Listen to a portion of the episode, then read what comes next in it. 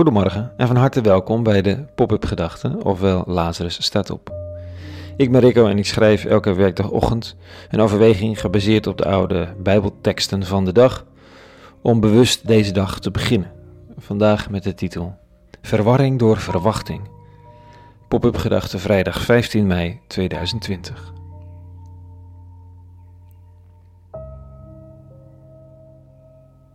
Wat verwacht ik van mezelf? Qua aardigheid en de hoeveelheid begrip die ik wil opbrengen. Maar ook qua betrouwbaarheid en punctualiteit. We hebben nogal een aantal dingen die we van onszelf verwachten. En als je ernaar vraagt, vinden we het logisch. Maar ik, ik vind het niet erg om iets te laten komen. Maar ik verwacht wel van mezelf dat ik het laat weten. En ik kan wel door de grond zakken als ik een afspraak vergeet. Terwijl een ander daar soms zomaar overheen weet te stappen, of juist nog veel strikter is.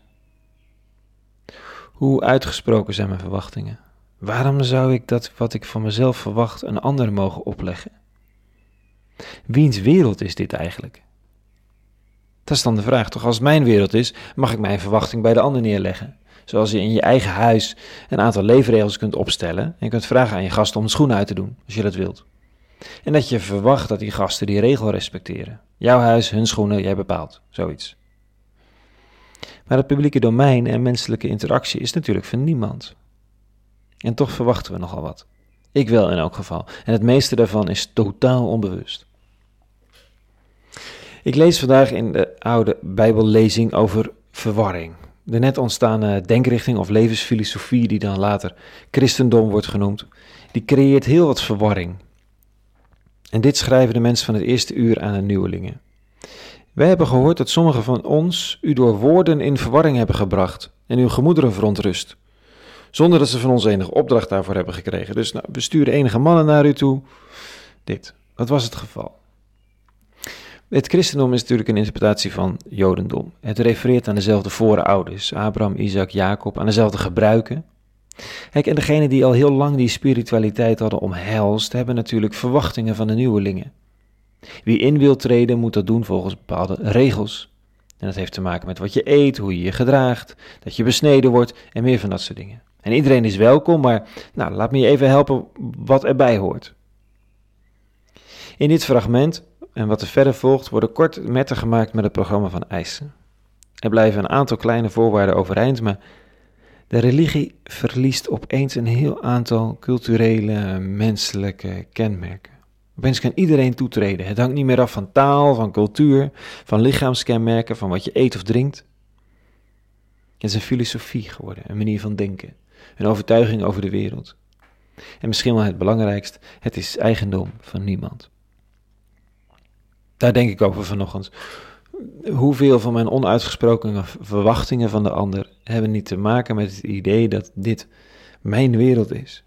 Dat wat ik denk logisch is en wat de ander denkt daarmee automatisch een beetje vreemd. Met het seculariseren van het Westen zijn we een kader verloren om te spreken over onze gewoontes, zei een antropoloog ooit.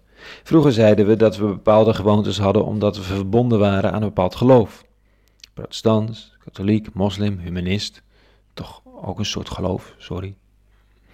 Nu doen we de dingen op een bepaalde manier omdat we die gewoon vinden of omdat, we ze, omdat ze goed zijn, denken we. En wie dat dan niet doet, is niet gewoon. Of niet goed. Vroeger was je dan niet katholiek of niet moslim. En dat is natuurlijk veel minder problematisch dan een niet goed te zijn. Want wie bepaalt dat eigenlijk, goed zijn? Nou, zegt die oude christelijke tekst vanochtend. Jij en ik bepalen dat niet. En je kunt het niet aflezen aan wat je eet of drinkt, naar welke kringen je gaat, aan uiterlijke kenmerken, aan taal, aan welke boeken je leest of wat dan ook. Het is ergens jammer, want het zou zo makkelijk zijn.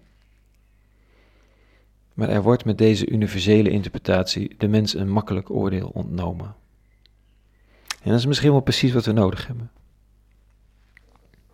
Kijk, elk land heeft zijn integratiecursus voor nieuwkomers. En dat is prima. Maar hoe gemakkelijk wordt datgene wat je ooit hebt bedacht als dienstverlening aan mensen die in verwarring zijn over hoe de dingen gaan in een land, tot een nieuw programma van eisen. Omdat ja, er is nu iemand eenmaal eigenaar van een bepaald land en jij als nieuwkomer hebt je maar te onderwerpen. Jij wilde hier zijn, toch? De dienstverlening wordt een eisenpakket. Terwijl de vraag natuurlijk is van wie dit land is. En het eeuwenoude antwoord van christendom is dat dit land is van iemand die jou en mij de opdracht geeft om mensen in nood een helpende hand te bieden. En vreemdelingen en gasten te behandelen alsof ze belangrijker zijn dan jij.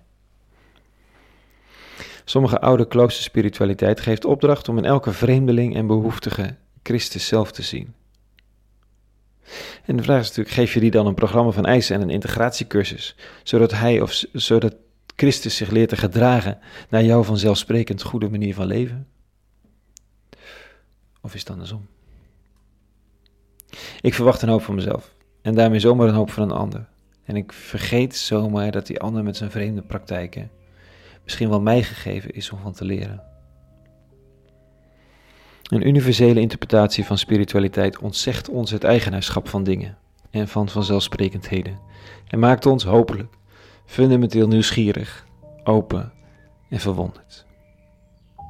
En ik denk dat je er een mooie mens van wordt. Tot zover de pop-up gedachten van vanochtend. Een hele goede vrijdag en een goed weekend gewenst. Maandag ben ik er weer en voor nu, vrede op je weg en alle goeds.